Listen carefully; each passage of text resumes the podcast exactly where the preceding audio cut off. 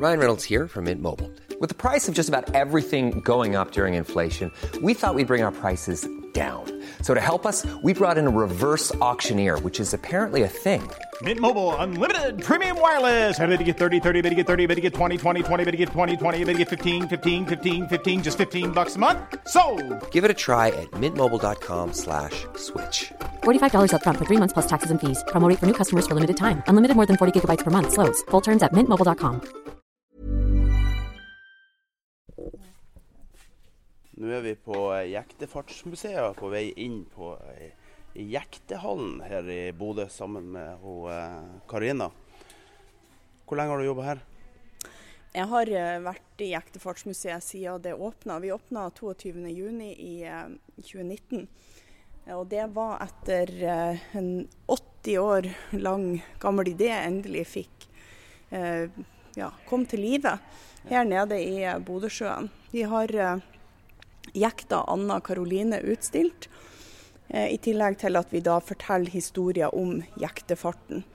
Jektefarten i, i Norge og dens eh, sammenheng for samfunnet. Eh, jektene opererte i, og også den internasjonale handelen som de ble en del av. Kan du, kan du si litt om hva, hva er jektefart egentlig? Ja. Når begynner det og så videre? Ja, nei, altså Jektefart det henspiller jo på jekt, som er en båttype. Og jektene de var fraktebåter, det var ikke fiskebåter. Og i 400 år så var jektene de viktigste fraktebåtene langs Norges kyst. Det gikk eh, jekter i Trøndelag, på Vestlandet og her i, i eh, Nord-Norge. Eh, og eh, Vi snakker jo ofte om Norafjellsjektene, og det var de jektene som gikk fra nord i fjellene, altså Nord-Norge, og ned til handelsbyene i sør, viktigst Bergen, da, med last. Og Det som var så avgjørende for Nord-Norge, var jo at vi fikk frakta tørrfisken vår nedover til markedene i sør. Og Derifra ut til resten av Europa. Eh, Det var en helt livsnødvendig handel. Samfunnet fikk organisert eh, jekte, jektefarten, bygga jekte. fikk samla sammen et mannskap. Eh, og så kunne de da seile ned til Bergen for å selge varer som de hadde brukt eh, sommer, vinter og skulle si, årene på å produsere. Det, det være seg fisk, eller det være tran, eller, eller andre produkter ifra tilknytta fiskerbonden sitt liv og, og virke. Og i bytte så fikk de jo med seg oppover korn. Som var noe som vi i Nord-Norge ikke klarte å dyrke nok til at det var tilstrekkelig for at folk rett og slett skulle kunne overleve. Ja. Så det var derfor vi sier at det var en livsnødvendig handel. De bytta den rikdommen de hadde, tørrfisken, eh, imot eh, korn. Som ga, ga familiene næring til å, å klare seg. Um, og så fikk de jo også opp andre handelsvarer. Eh, og gjennom det, det hanseatiske forbundet som Hanseatene hadde sitt eh, kontor i Bergen, det var et eh, tysk handelssamarbeid som hadde fire kontorer rundt om i Europa, bl.a. Bergen. Og der i, Bergen ble det jo da et knutepunkt for varer som kom ifra, ifra Europa, og også handla inn i Europa fra andre deler av verden. Eh, og som etter hvert fant sin vei nordover. Så det var jo både en viktig, en viktig fart for uh, utveksling av uh, nødvendige forbruksvarer. Og så ga det jo også ei kulturutveksling i form av Vi har bl.a. utstilt en, eh, en kalk eh, tilknytta nattverdritualet i kirka, eh, som er laga i, eh, i sølv. Et materiale som, eh, som det nok ikke var så mange her nord som hadde kunnskap om å arbeide med, både fordi at det krever tilgang på edelmetallet, og så krever det også kunnskap om hvordan man former det. Det kom tekstiler, det kom krydder, kaffe og sukker, alt slags sånn handelsvarer som kom ifra, fra verden. Da, var, eh, kom ned til Bergen, og så skipes det oppover. Og, og eh, i, i perioder så var det jo eh, så mye verdier i tørrfisken at de her fiskeværene rundt om her i nord, de tiltrakk seg jo folk fra ja, mange land. Så det var ikke uvanlig å, å, å møte på folk som ja, kom fra andre land oppi de her fiskeværene, fordi at det var store rikdommer i fisken. Så eh, ved den handelsruta som går langs kysten med, med, båter, så får du frakta både varer og kulturimpulser ganske sånn raskt og får spredd de, spredd de ut ganske raskt. Så, så eh, den eh, Om den vanlige eh, nordlending så sånn på da, så, så hadde de i hvert fall muligheten for å, å, få et lite blikk på resten av verden gjennom de historiene som, og varene som kom med jektene. Her er jo en tid hvor de aller fleste aldri kommer seg utafor kommunegrensene. Og, ja, så det å få hver mannskap på ei jekt, det måtte være ditt livs eventyr, tenker jeg. Du tromler i hop et mannskap, og så seiler man av gårde. Eh, det er ikke noe sånn det er ikke den rangordninga vi kan kjenne fra andre større skuter, eller med en sånn militær orden med hvem lyder hvem. Eh, tvert imot så var det vel en, en eh, en som beskrev og beskua ei jekt og mannskapet en gang på var det på 1800-tallet, eller kanskje før, jeg husker ikke akkurat nå. og Han, han sier at det springer masse mannfolk opp på lasten, og enhver synes å adlyde eller ikke. og alle har liksom sine roller, så han sier det som en ekte republikk. Så, så nei, det var nok uh, og Der for de, for de av gårde. Han, en stødig kar fra bygda var styrmann, og så seilte de ut. Uten værmelding, uten gode kart. Eh, ja, krevde kjennskap for leia og, og, evne til å seile og tolke signaler. Og så var det jo med, skulle si, med varer og håp i lasten om at ferden skulle ende godt, og det skulle forsørge familiene enda et år. Så ja. Hvem, eh, hvem som eide selve båten? Var, var det bygda som eide båten, eller var det, var det en riking som sto bak? Nei, altså det er et slags sånn um, Det var en miniriking, kan vi si. En miniriking sto, sto bak. For du måtte, ha, uh, du måtte jo ha en viss sånn kapital for å kunne bygge ei jekt. Jekt er jo en stor ja. og dyr båt. Um, så det var jekteskipperen som eide jekta. Men den her seilte under det vi kaller ei bygdefarsordning. Og bygdefaret er en prøv å forklare det som en, en liten sånn uh, tverrordning mellom næringsliv og dugnad. Uh, bygdefolket Sånn som vi kaller OPS i dag? Offentlig-privat samarbeid? ja, jo, men ja, ja.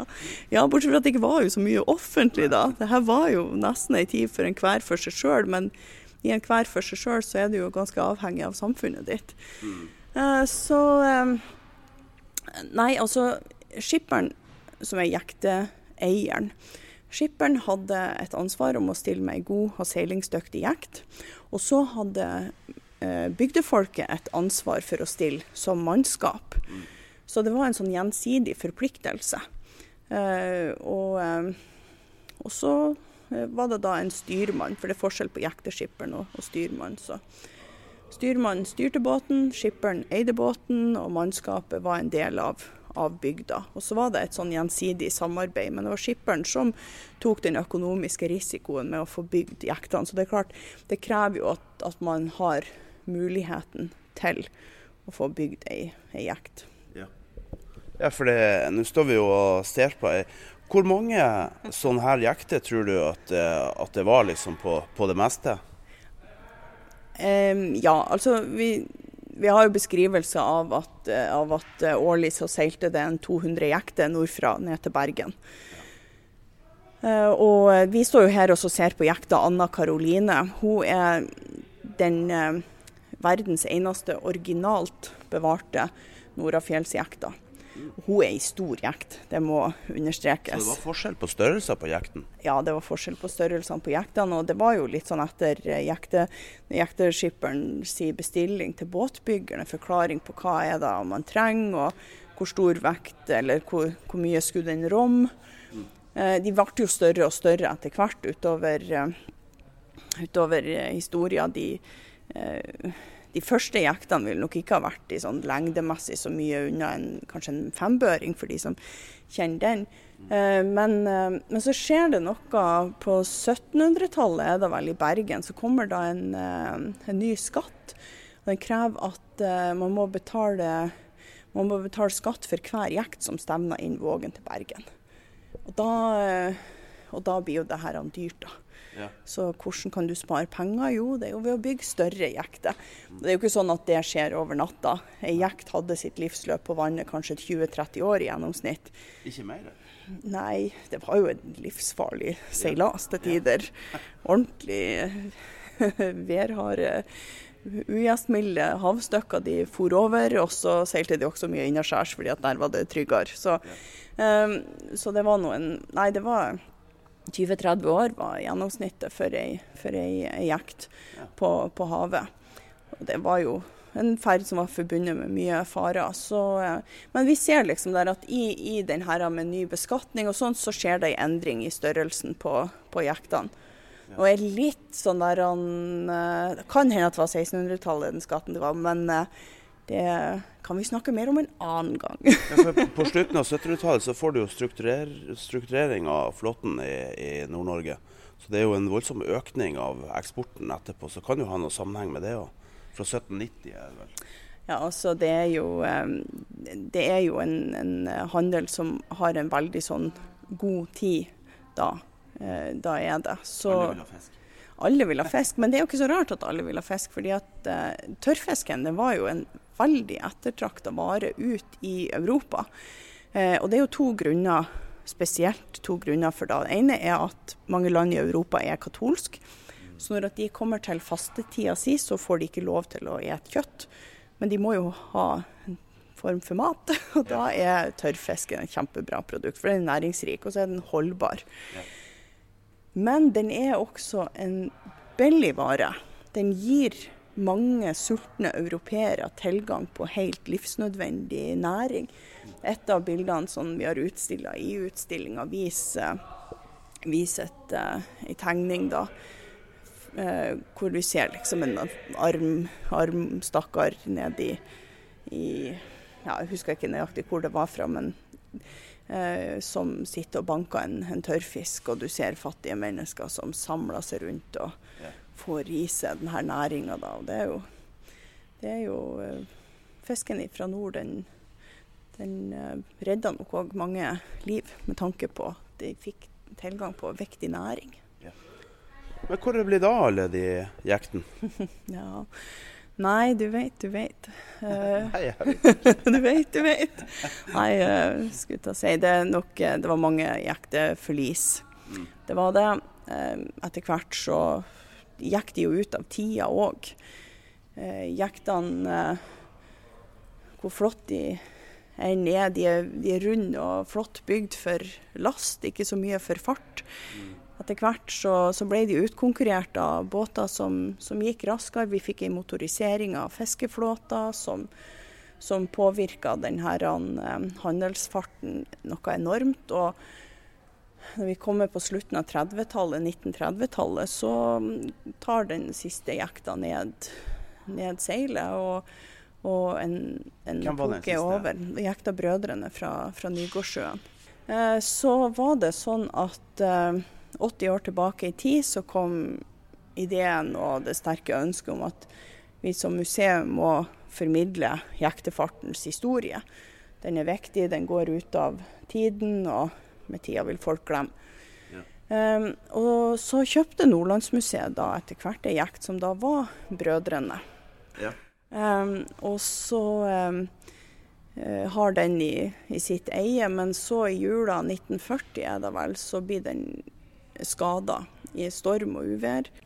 Det betyr at dere har vært interessert, og dine forgjengere har vært eh, bevisst og interessert i både jektfart og, og fiskerihistoriene? Ja, ja, ja, Kjempe, kjempe. Det, det, har vært grunnlaget for, for så mye.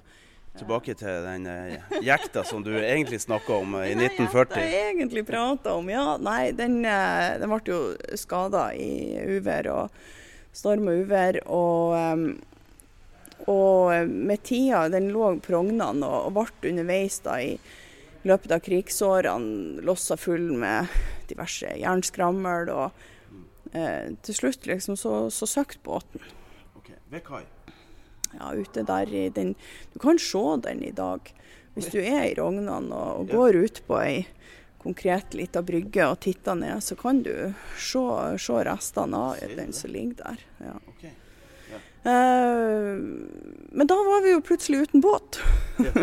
og hva- det er vanskelig å formidle jektefartshistorie på en god måte uten å se de fantastiske eh, byggverkene som de er, de båtene. Ja. Eh, så det ble eh, leita, det ble gjort undersøkelser, og så kom man fram til at jo, jekta Anna Karolina Hopen i Lofoten hun er en god representant for jektefartshistoria.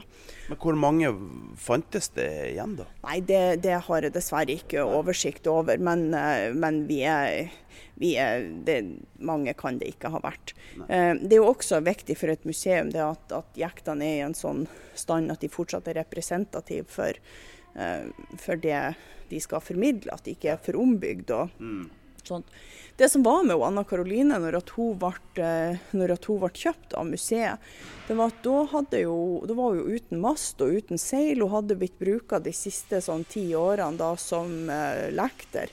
Altså at hun var på slep etter andre båter Okay. Yeah. Så ble bruka for å, ja, å, å gå med last yeah. på slep. Eh, så, men hun kom da til Bodøsjøen her i 1954 og lå eh, rett ut på eh, rett ut på havet utenfor her hvor museet står i dag. Ja. I, eh, der lå hun i fem år, og så ser man at nei, okay, det, det er på tide båten er nødt til å komme opp på, på land. Vi er kommet dit tett. Så hun ble dratt opp på land og plassert der hun står i dag. Og der er museet bygd. hun har ikke vært flytta siden hun kom på land i 1959. Nei, så, så museet er bygd liksom etterpå? Bygd i fjærsteinene. Ja. ja, tøft. Så er det. Nei, eh, så i begynnelsen så sto hun jo ute under eh, åpen himmel.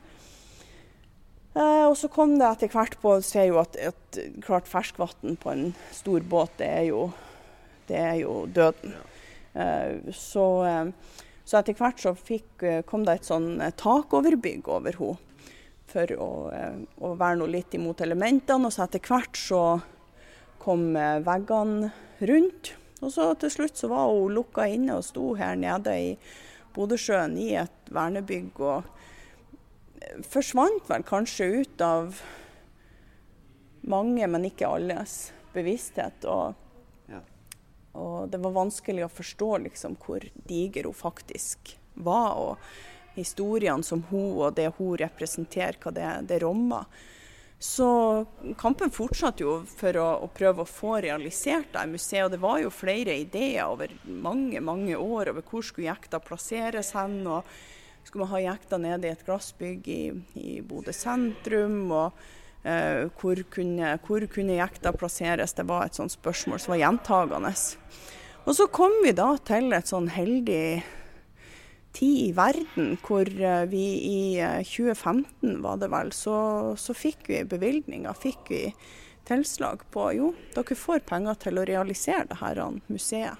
Ja.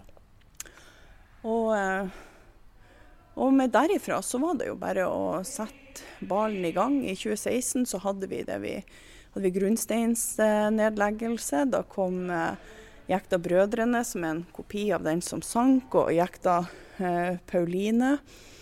En, eh, kom, eh, kom seilende hit, og det var fembøringer, og det var korsang, og det var masse stas. Ordentlig seremoni? Ja, det var ordentlig seremoni. Altså, sånn det var Skansekompaniet var her og skjøt. Bam! For det her det krevde sin salutt, så det var veldig stilig. Hiring for your small business? If you're not looking for professionals on LinkedIn, you're looking in the wrong place. That's like looking for your car keys in a fish tank. LinkedIn helps you hire professionals you can't find anywhere else, even those who aren't actively searching for a new job but might be open to the perfect role. In a given month, over 70% of LinkedIn users don't even visit other leading job sites. So start looking in the right place. With LinkedIn, you can hire professionals like a professional. Post your free job on linkedin.com/people slash people today. There's never been a faster or easier way to start your weight loss journey than with PlushCare. PlushCare accepts most insurance plans and gives you online access to board-certified physicians who can prescribe FDA-approved weight loss medications like Wigovi and Zepbound for those who qualify. Take charge of your health and speak with a board-certified physician about a weight loss plan that's right for you. Get started today at plushcare.com slash weight loss. That's plushcare.com slash weight loss. plushcare.com slash weightloss. Um, og, så, og, så, begynte jeg da å jobbe grunnarbeidet her med, med tomter og museet. Vi begynte med bygginga av museet i uh, slutten av 2017. og det var vel en gang i, i 2018 så så hun Anna Karoline fikk hun sitt siste sånn pust av frisk luft, for da ble da ble veggene Da begynte veggene på det nye museet å og kom til, og vernebygget var, var fjerna. Og, og, eh, og, så lukka veggene seg, seg rundt henne. Og ja. nå er museet Det åpna i 2019 og tiltrekker seg folk fra hele landet og utlendinger som kommer. og de er veldig interessert. Hun er jo et sånn fantastisk skue. Når man kommer inn i den første utstillingshallen her, så møter man jo da Anna Karoline. og hun er et, eh, og et fantastisk skue der hun står. Med et stort eh, råseil som vi har fått fra jekta Pauline. Det er et ordentlig seil som er blitt utsletten etter masse seilas. Eh, og kan man kjenne litt sånn tjærelukta av henne. Ja, jeg er tilbake ja. til min ungdom, altså. Ja, men... Naustet og mm. Det der er sånn der en gjenganger, og det er, så, det er så deilig. fordi at det var Hardanger fartøyvern de tok og restaurerte jekta. Eh, før, eh, før, åpna, nei, før, vi åpna museet. Ja. Og så kommer man til liksom, vi ser at det er felt inn nytt material, for det har vært nødvendig å gjøre noen, noen utbedringer. Det skal, krever et, selv om det her seilet ikke skal ta, ta, vind, så krever det ganske mye for å ta riggen. Ja. For å tåle vekta fra riggen og mast og i det hele. Så, så, båten måtte jo forsterkes. En del av de ødelagte treverket da var nødt til å, skiftes ut. Og så står du da med sånn nytt treverk. Og så kommer spørsmålet ja, hva, hva vi skal gjøre nå med det her treverket. da Skal vi finne en passende beis, og det går over i Det hang fargemessig sammen med resten? Eller skal vi bare behandle henne som den båten hun er, og så tjærebre? Ja. Så gjorde vi det. Det ble jo kjempebra. Ja. Du, eh, vet du noe om historien? Hvor, hvor, hvor ble hun bygd osv.? Anna Karoline hun fikk jo et langt liv på havet. Sa jo tidligere at eh, jakt kunne ha sitt livsløp på en sånn gjennomsnittlig 20-30 år, men for Anna Karoline så ble det betydelig lenger. Ja. Hun ble eh, bygga i 1876. Det er på Mosvik i Brattaker, da er vi nede i Trøndelag. Eh, og ble bygga der. Og hun gikk i mange slags eh, Gikk med mye slags varer, bl.a. tømmer og tran og det har vel blitt dampa tran om bord her. Gått med klappfisk òg. Eh, men så har hun også gått med den her som vi typisk nordnorske handelen som vi tenker på da sånn med tørrfisk og turer til Bergen med, med last. Så hun, eh, hun, ble til sist Siste eier var da, eh, var da familien Angel oppe i, eh, i Hopen i, i Lofoten. Uh, og der var hun i drift fram til hun i var det 1932 så ble masta tatt ned. Okay. Og så med mast og seil, og det ble lagt bort, for da skulle hun ikke lenger være ei, ei seilførende jekt, men brukes som lekter, da, som slepebåt. Men, men det er klart det ligger jo i det at hun var jo på var jo på havet i mange mange tiår mer enn, enn det som var gjennomsnittet for ei jekt. Hun hadde jo i løpet av sin tid så fikk hun jo etter hvert, var i 1906, så fikk hun sin første hjelpemotor. Og så ble den bytta var vel i 1918 med en ny eh, motor. Og på et tidspunkt så fikk hun også et fast lukka dekk. Så hun har gjennomgått en del sånn eh, del eh, endringer ja. underveis. Men i dag så Eh, vises hun som en, en flakjekt uten hjelpemotor. Og Ei flakjekt er da ei jekt uten fast lukka dekk, mm. men åpent rett ned i lasterommet. Og det er av hensyn til lastekapasiteten. Fordi at tørrfisk er jo en vare som ikke er så stor i vekt, men veldig mye volum. Så da fikk du jo de tyngste varene eh, nederst.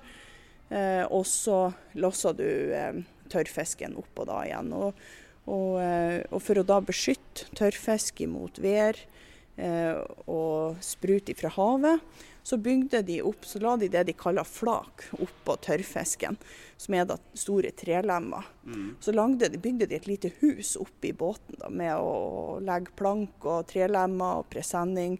Så bygde de en sånn stor, uh, lite tørrfiskhus midt i, midt i båten. Ja. Og det var ikke så lite heller, for en sånn tørrfisklast kunne gjerne gå flere meter opp etter masta. Og så klatra mannskapet med stiger oppå den her og sprang over lasta for å gi beskjed bak til de som sto ved roret. Så eh, det var også en del av, av Anna Karoline sitt, eh, sitt, virke å gå med, gå med tørrfisk. Så, eh, så er originalt, ja, originalt bevart. Ja. Det er veldig mye av, mye av hennes opprinnelige eh, materiale og, og skrog som, som, er bevart. Det er, jo, det er jo fantastisk. Du, kan vi prøve å, å gå bortover? Ja, det kan si i hvert fall om Anna Karoline. Sånn at vi bare har det vel i mente når man kommer til at hun er ei stor jekt. Hun er ikke mm. den største jekta Nei. som har vært bygd, det er hun ikke, ja. men hun er ei veldig stor jekt. Ja. Så, um, så, det er litt sånn greit å ha med. Men når man går her på museet, så får man anledning til å gå helt inntil den og, og, og se. Du kan jo nesten, nesten ta borte. Ja. Her er jo to, to, eller egentlig tre etasjer rundt Eh, båten som man kan gå med, ja. med utstillinger. og ja, nå driver vi jo på å montere ei, uh, montere ei midlertidig utstilling som åpna nå 4.10. Hvor, uh, hvor uh, maleren Hugo Aasjord skal ha ei, ei, ei, midlertidig utstilling som skal stå her noen måneder. Hvor han, han har malerier som, hvor han tolker et tema som heter tørnringer, som er da merkepunkter på berget for, for tøyningssteder for jektene. Veldig flotte malerier. Så de blir stående her på det første eh, grunnplanet i museet i, i noen måneder. Så det vil jeg, de vil jeg absolutt eh, anbefale å, å, få med i tillegg til selvfølgelig Anna Karoline Hopen i Lofoten, som det står her på navneskiltet hennes i, i akterenden på sida av roret. Nei, her har vi utstilla en kalk eh, som eh, da ble gitt i gave eh, fra Bredsgården, som er et av handelshusene på Bryggen i Bergen. Den ble gitt i gave på tidlig 1500-tallet fra Bredsgården til Røst kirke. Og denne kalken og, og, disken da, som er, er, brukes i nattverdritualet i kirka, den er laga i sølv. Mm. Og det vi vet, det er at på denne tida så ville du for 100 gram sølv få ca. 100 kg tørrfisk. Det er de verdiene som vi, vi har. Eh, og, ikke så billig, da? Nei, ikke billig i det hele tatt. eh, så jeg har ikke veid den her. Nei. Men å si at den kan være en plass mellom 400 og 500 gram med både kalken og, og fatet, det vil jeg ikke holde som usannsynlig.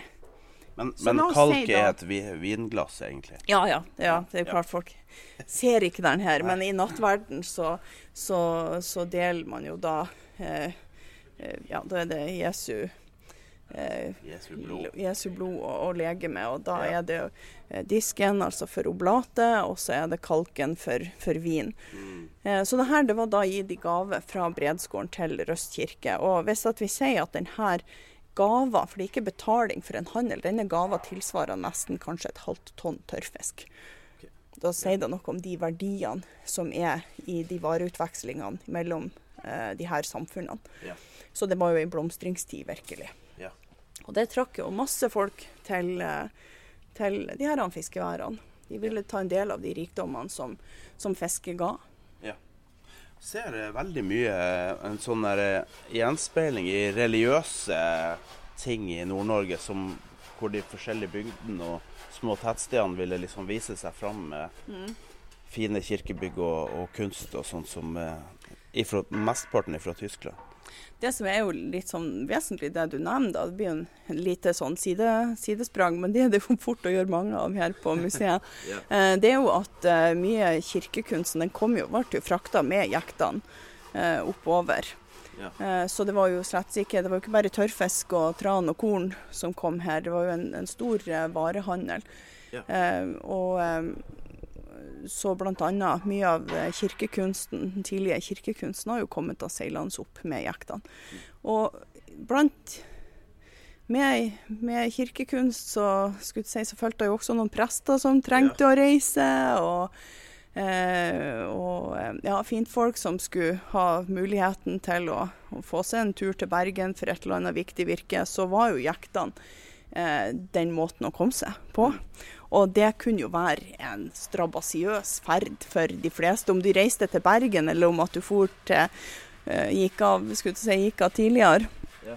Så eh, vi har jo historier om eh, eh, en, en, en prest som, eh, som skulle reise. Han skulle med til sitt nye sognekall, da, og da gikk turen med jekt. Og hans nedtegnelser beskriver jo en sånn tur som han visste jo ikke si arme råd, han ante jo ikke om han kom til å overleve det her han fire ukers seilaset, og hadde, hadde veldig, veldig traumatisk underveis. Og han hadde spurt styrmannen så ofte om han ikke kunne være så snill å få litt av drikkevannet deres, så han kunne få vaske seg litt under armene for å ha et daglig renhold. Og fikk han blankt nei. Det var ikke aktuelt å bruke av drikkevannet til, eh, til sånne ting. Nei. Og det er klart, vi vet jo at skulle du ankre opp jekta og håpe på ny bris, så det, det ga ikke mening for at du skulle bruke drikkevannet til å vaske under armene. Det, det, var, det var ikke noe. Så, nei, og han beskrev jo, han presten, han beskrev jo det her mannskapet som eh, vikinger i sinn og skinn, og det var ikke på noen måte godt meint. Nei, for at eh, det et, et mannskap helt uten respekt for, eh, for farer og Ja. ja, i det hele tatt. Så. Men kanskje var de litt som vikingene. Altså gode, gode seilere som eh, frakta ut varer, og også kom hjem med ny kunnskap, nye varer som, som folk trengte. Det var, det var ikke et seilas for hvermannsen å, fære på. Det var det ikke. De var jo hallogalendinger. Det er jo, dette vi var gode på. Ja.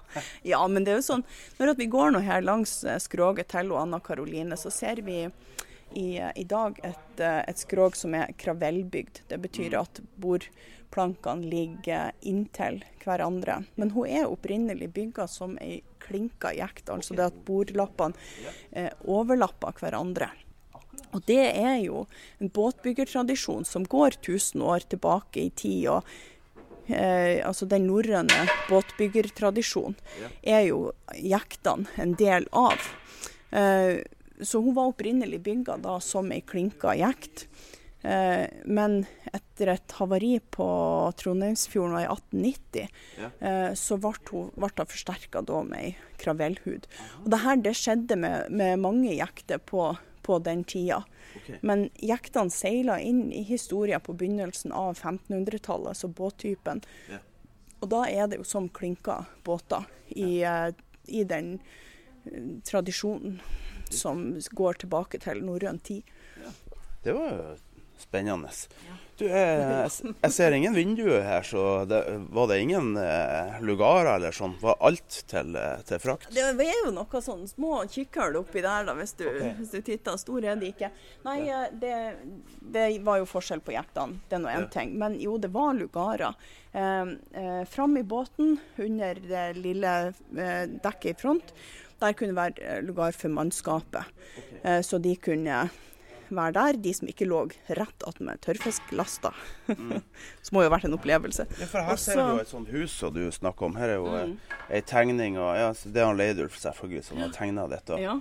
Huset. Men, men inni det huset var det bare tørrfisk? Det var ikke plass til å sove inni? Nei, nei, altså det, nei, det var ikke noe Det var bare for å, å skole opp, liksom. At Ja. fisken ikke skulle rase ut når de begynte å få den opp over, strip, over ripa.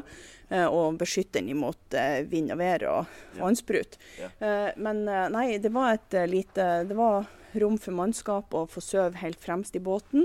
Også her akter så, så var det dekk for eh, Så var det lugar for styrmann, og så Hvis det skulle være noen sånn ekstra skulle være med òg, så kunne de kanskje få, få, få rom der. Enten det var noen fine fruer eller Ja.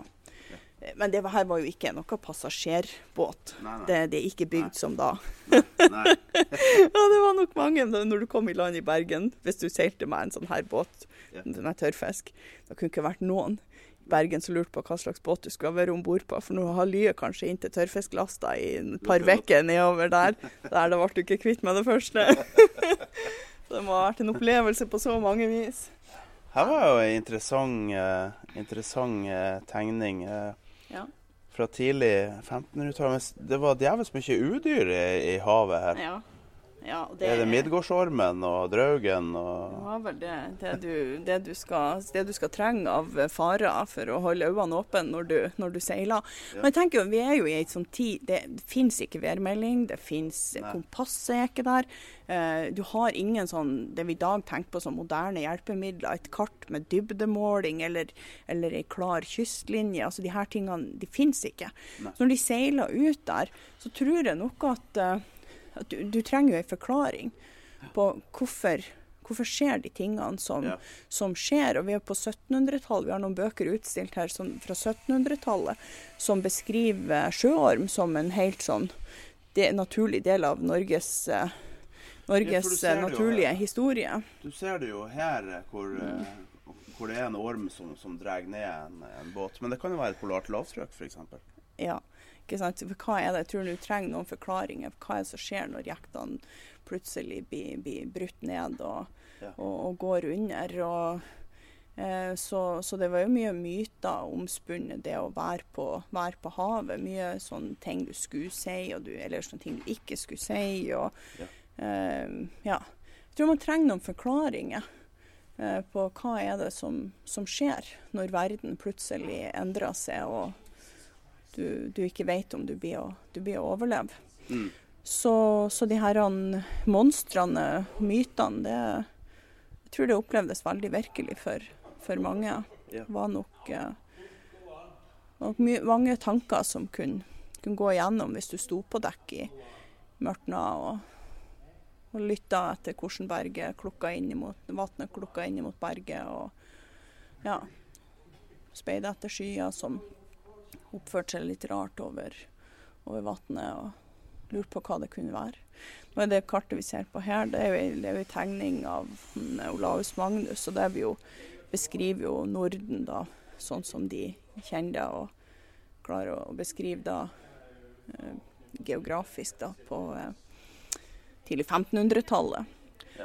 Og det er jo fordi at vi, vi på museet forteller mye om historien også før jektene seilte. Hva er det som danner grunnlaget for, eh, for at jektene kommer inn i historien? Og det er jo denne handelsruta. Den har jo da gått i, i noen hundre år allerede. Eh, så eh, fram til svartedauden 1350 så seilte mange av kjøpmennene opp til Nord-Norge med varer og fikk med seg tilbake igjen. Ja. Men uh, ulike, ulike ting påvirka. Så, sånn etter svartedauden en ting er jo at en del av handelshusene ikke, ikke så Ja, noen eksisterer ikke lenger. Og uh, kraftig redusert. og så ja, ulike ting som spiller inn, og da, da er det litt sånn at hvis nordlendingen skal fortsette å være et handlende folk, så må de sjøl ta risikoen med frakta. Eh, så grunnen for at vi, det er den delen av utstillingen vi står i akkurat nå, så forteller vi litt om, om den venetianske vinhandleren Pietro Curini. Eh, og det er fordi at han eh, 1432 så er han med på et eh, er de på et seilas hvor de utenfor kysten av Skottland kommer helt ut av kurs, og så ender opp med at de blir berga i land på Røst i Lofoten. Det er en tur som ikke gikk helt etter planen. Ja, ja. Eh, og så kommer de da til, eh, til eh, Røst. Og ifra deres reise så gjør de jo en del nedtegnelser. Eh, som bl.a. beskriver samfunnet på Røst på den tida. Det er fargerike, fantastiske beskrivelser av Ja. Han ser det jo nesten som, som paradisets innerste krets, fordi at eh, det var så uskyldsrene og flotte, flotte folk. Og de, jeg tror de var ganske sånn fortrylla av, av det de så. Eh, men, men når at de skal reise tilbake igjen, så begynner første delen av turen tilbake til Italia begynner med at de får haik med, med en av de lokale båtene som skal gå med fisk ned til Bergen. Og det her er da eh, det han beskriver. For de blir over vinteren, sant? Ja, de må, de, må, de må være der gjennom vinteren til, til båten, båtene skal ned til gå, gå sørover igjen. Og det han da beskriver, det er jo da denne bygdefarsordninga. Det er den første kjente beskrivelsen vi har av bygdefarsordninga. Så det som gjør han relevant for, for tørrfisk, eller for jektefarten. Eh, Så fikk han kanskje med seg litt fisk som proviant og, og, og, og sånt, da, men, eh, men, eh, men han beskriver den samfunnsordninga med hvordan de seilte ned, at de gikk i lag om den her, og så seilte ned til Bergen med last. Og den seilingstradisjonen, handelstradisjonen, er det jo jektene seiler inn i. De dekker et, et behov som fraktebåter. Ja. Så det kommer de fram.